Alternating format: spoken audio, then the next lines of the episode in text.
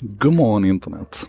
Um, en sak idag ska handla om Facebooks uh, nya tankar eller utvecklade tankar kan vi väl säga runt uh, newsfeeden och hur man jobbar med den.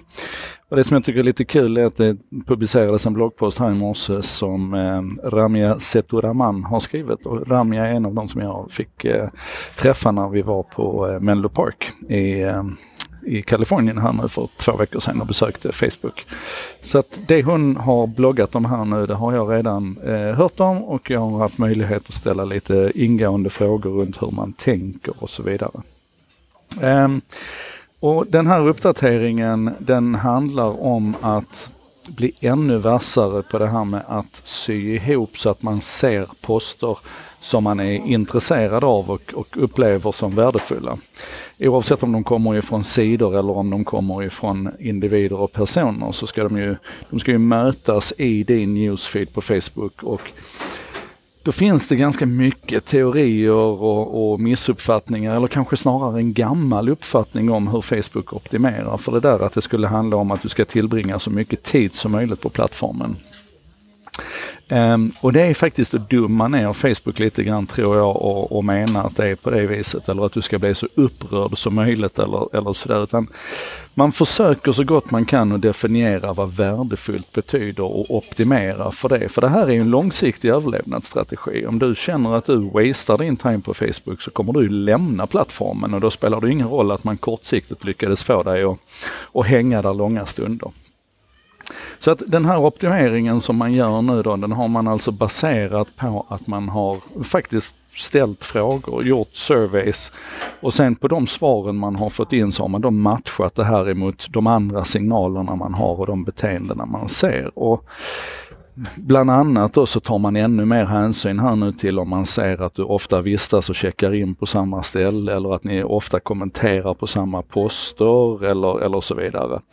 Um, och det här är rätt intressant för det här är vad vi traditionellt sett uppfattar som, som eh, fysiska signaler, alltså från den fysiska världen som man här nu då tar med sig in i den digitala världen och försöker emulera och bygga algoritmerna runt det här. Um, en annan viktig sak med detta det är att man, man för att kunna utvärdera om man faktiskt liksom gör rätt och om man liksom prickar rätt i algoritmerna så måste du hela tiden skjuta in annat material också som du då inte tror att, att du skulle respondera på för att se att man fortfarande ligger rätt. Och den här, vi kan nästan kalla det för en slags AB-testning som pågår kontinuerligt. Det är också någonting som jag vet jag har pratat med Google om att man, att man gör i sökresultaten där. Och det här talar ju emot hela filterbubblan-idén för att du blir alltså kontinuerligt utsatt för material som man inte då tror är optimerat för dig för att få bevisa att optimeringarna funkar. Du responderar inte på det materialet. Jag tror ni fattar vad jag menar. Och samma principer runt det här gäller då sidor. Här kommer man bland annat då att titta på mycket hur du, och det gör man faktiskt även i personliga poster, att man tittar på hur du responderar på länkar som, som postas och sådär. Och det är också en sån här gammal missuppfattning vi har runt Facebook att om du inkluderar en länk i din post så kommer den liksom att rankas ner och synas mindre för att länken betyder ju per automatik att du lämnar Facebooks plattform. Enligt det här gamla resonemanget om maximum time spent så vill ju inte Facebook att du ska lämna plattformen. Men om de märker att folk responderar väl på, på vissa länkar som går till vissa sidor eller som går till, till vissa destinationer och sådär så kommer det att, att rankas upp och du får se mer av det helt enkelt. Um, och det är ett par saker som är intressant med detta. Det ena det är naturligtvis hur, hur oerhört datadrivet man jobbar och, och, hur mycket vi allihopa kan lära av det här datadrivna sättet att arbeta och tänka.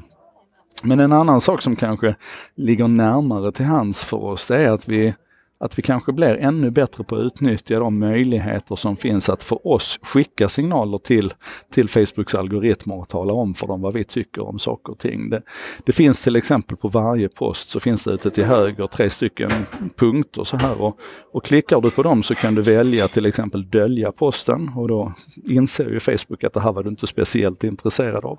Du kan välja att snosa den här personen i, eller den här postaren i, i 30 dagar och det är ju en jättestark signal signal att just nu så är jag inte intresserad av detta. Men det är också en stark signal till Facebook att efter 30 dagar skjuta in den personen igen i ditt flöde för att se om du fortfarande är ointresserad.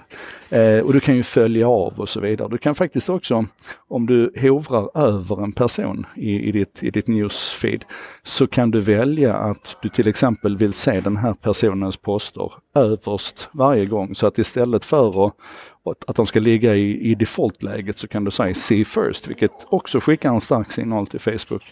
Och du kan välja att lägga till folk på close friends och acquaintances och lite olika listor och sådär som, som ligger i den boxen som dyker upp när du hovrar över en person.